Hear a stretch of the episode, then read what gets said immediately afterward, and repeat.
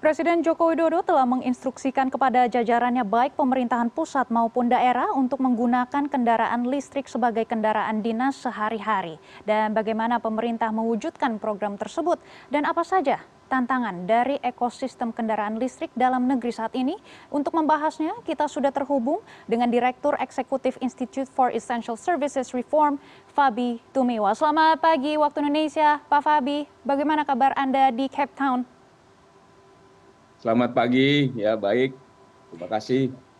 Ya, Pak Fabi, kita langsung saja ke tema diskusi kita pada pagi hari ini. Presiden Jokowi telah mengeluarkan instruksi Presiden nomor 7 tahun 2022 guna mempercepat ya program penggunaan mobil listrik sebagai kendaraan dinas bagi para menteri dan juga pejabat. Apakah ini cukup efektif untuk mengurangi konsumsi BBM? Ya.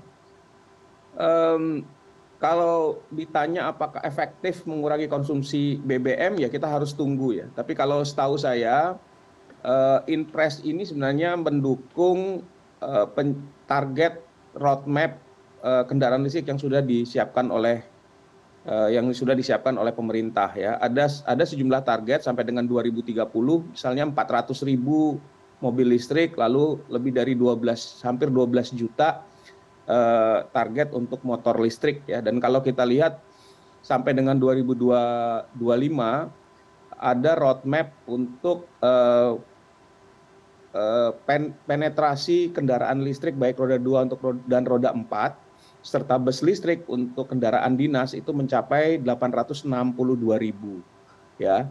Jadi kalau apakah ini efektif atau tidak ya kita harus lihat ya kalau lihat dari jumlahnya sih dibandingkan dengan populasi kendaraan bermotor di seluruh Indonesia ya. Kalau kita lihat saat ini populasi kendaraan bermotor itu sampai 100 eh, roda 2 itu 160 juta.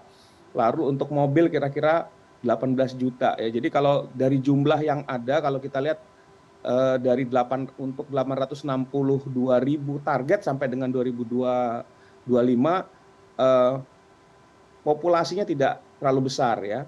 Tetapi yang signifikan dari uh, Inpres ini adalah dia membuat pasar untuk peng, untuk pengembangan kendaraan listrik. Nah, ini yang menurut saya jauh lebih penting uh, un, uh, kalau kita ingin uh, mengurangi BBM di masa depan, memang kita harus meningkatkan penetrasi kendaraan listrik. Nah, Inpres ini mencoba untuk membuat pasar itu. Nah, diharapkan dengan uh, tumbuhnya pasar yang berasal dari permintaan uh, kendaraan dinas pemerintah, maka pabrik-pabrik atau pelaku usaha yang membangun kendaraan listrik atau yang mem, atau yang membuat kendaraan listrik baik itu roda 4 maupun roda 2 itu bisa bisa bisa mendapatkan economic of scale secara cepat.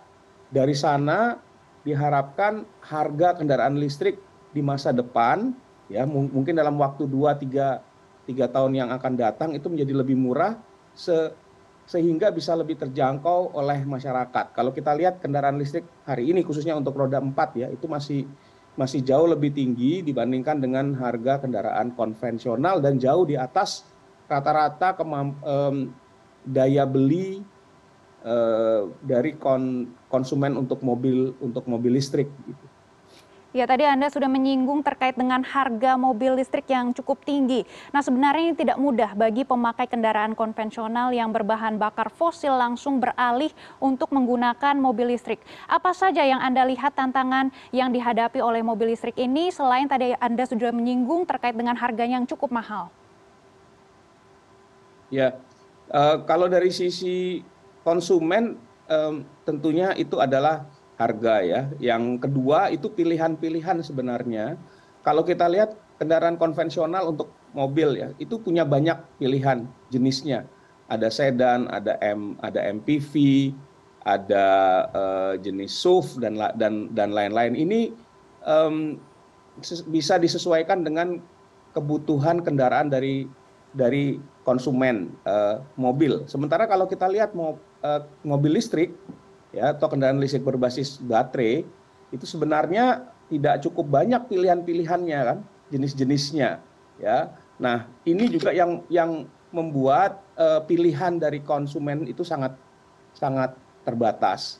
yang kedua kita lihat dengan harga yang cukup tinggi ya um, memang yang menjadi pertanyaan um, apakah kemudian um, menjadi lebih mudah tidak untuk masyarakat itu bisa membeli mobil mobil listrik ya. Nah ini uh, dan yang juga menjadi penting adalah ketersediaan infrastruktur masyarakat saya kira konsumen ingin menggunakan kendaraan listrik secara secara lebih op, secara lebih optimal uh, tetapi pada saat ini dengan menggunakan baterai itu jarak tempuh uh, kendaraan listrik itu yang yang bisa yang bisa menjadi penentu. Nah, uh, jadi ada yang namanya kalau kita menggunakan kendaraan listrik itu yang namanya range un, uh, anxiety gitu ya. Jadi orang itu khawatir kalau kalau berpergian dengan jarak tertentu dia akan dia akan ke kehabisan listrik. Nah, ini sebenarnya bisa ditunjang kalau ketersediaan charging station, khususnya fast charging uh, station itu bisa lebih banyak. Nah, ini salah satu yang menjadi hambatan ya uh, buat orang untuk membeli kendaraan listrik. Kalau dia mem membeli kendaraan konvensional, perasaan itu tidak uh, tidak tidak ada karena dengan mudah kalau misalnya bahan bakar kita akan habis kita bisa langsung ke S, ke SPBU untuk bisa mengisi kendaraan untuk bisa untuk bisa mengisi BBM. Nah, ini yang masih belum ada sehingga orang itu milih-milih ya. Belum belum lagi kalau kita menggunakan kalau kita menggunakan mobil listrik waktu charging itu yang uh, diperlukan jauh lebih lama. Kalau kita mengisi bahan bakar minyak mungkin dalam 10 sampai 15 menit kendaraan kita itu bisa full ya. Sementara kalau kita menggunakan kendaraan uh, mobil listrik dengan fast charging saja mungkin kalau untuk penuh itu butuh waktu sekitar dua setengah jam ya. Uh, sementara kalau dari dari kosong sampai 80 persen mungkin dengan fast charging bisa 30 sampai 45 menit. Nah ini yang membuat orang melihat bahwa dengan memberi kendaraan listrik tidak bisa menikmati perjalanan dengan cepat. Jadi menambah waktu tempuh perjalanan karena kalau di tengah jalan dia ingin mengisi uh, ingin mengisi listrik gitu ya uh, dibutuhkan waktu yang lebih lama. Nah hal-hal ini memang yang harus masih harus bisa diatasi uh, dengan cara memang menambah populasinya. Jadi orang punya atau kon, konsumen punya confidence ya yang lebih baik dan juga bisa dengan ketersediaan infrastruktur charging station yang lebih banyak itu bisa mengatasi tadi keraguan-raguan misalnya mengenai jarak tempuh, kemudian mengenai waktu pengisian ya uh, dan mem bisa memanfaatkan secara optimal kendaraan listrik yang dimiliki. Nah, kalau motor listrik itu memang punya beda ber apa beda lagi gitu ya karena dengan motor sebenarnya kalau dengan motor listrik ada teknologi yang namanya battery swapping ya. Jadi kita bisa mengganti baterai apa uh, uh, baterai itu dengan dengan waktu yang cukup cepat ya um, uh, uh, sehingga bisa menam, menambah jarak tempuh dan mem, mempersingkat waktu untuk pengisian uh, energi listrik baik dari segi infrastruktur dan juga segi teknisnya ini sepertinya masih belum memadai ya Pak. Lalu Indonesia juga sebagai salah satu negara emisi terbesar di dunia dan ini dituntut untuk menurunkan konsumsi energi fosil dengan melakukan transisi energi secepatnya Pak. Khususnya di sektor kelistrikan. Nah bagaimana implementasi uh, hingga saat ini yang Anda lihat? Ya benar bahwa sebagian besar listrik kita itu masih berasal dari energi fosil ya. Kalau kalau kita lihat pembangkitan listrik 87 persen itu dari energi fosil 65 persennya dari batu bara. Memang tidak bisa dihindarkan kalau kita ingin mendapatkan manfaat penurunan emisi gas rumah kaca dengan ber, dengan mengurangi penggunaan BBM ya eh, maka bauran energi terbarukan di dalam pembangkitan tenaga listrik kita juga harus bertambah.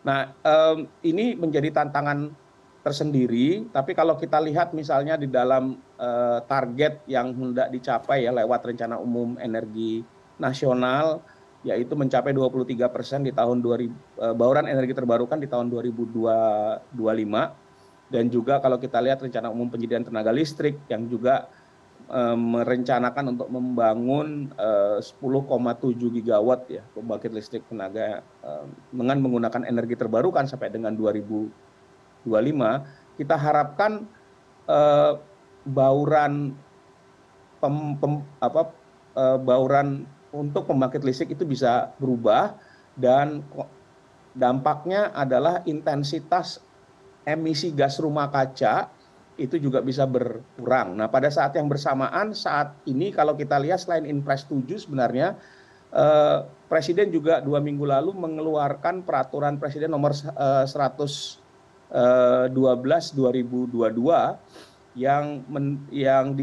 di, di, di sana juga diamanatkan ya untuk menghentikan pembangunan PLTU baru dan eh, buat untuk Menteri SDM menyusun roadmap akselerasi pensiun dini PLTU dan kita harapkan kalau kalau peningkatan energi terbarukan itu uh, dilakukan secara secara cepat dibarengi dengan upaya untuk memangkas operasi pembangkit PLTU baru karena dia sudah tua dan tidak efisien serta polutif ya. Kita harapkan intensitas emisi gas rumah kaca untuk dari sektor listrik kita itu bisa semakin berkurang. Tapi tentunya tidak hari ini, karena ini adalah sebuah proses dan butuh waktu. Tapi saya kira kalau kita lihat trajektori yang ada, semoga di 2025 um, kondisinya bisa jauh lebih baik dan kita bisa mendapatkan manfaat penurunan emisi gas rumah kaca dari peralihan atau substitusi dari bahan bakar minyak ke listrik dengan uh, bauran energi terbarukan yang lebih besar. Baik, untuk menurunkan emisi gas, semoga pemerintah siap dengan menyiapkan ekosistem kendaraan listrik dan program percepatan pemakaian kendaraan listrik ini bisa secara efektif menurunkan emisi gas dan berhasil mewujudkan transisi energi. Terima kasih, Fabi Tumiwa, Direktur Eksekutif Institute for Essential Services Reform. Terima kasih.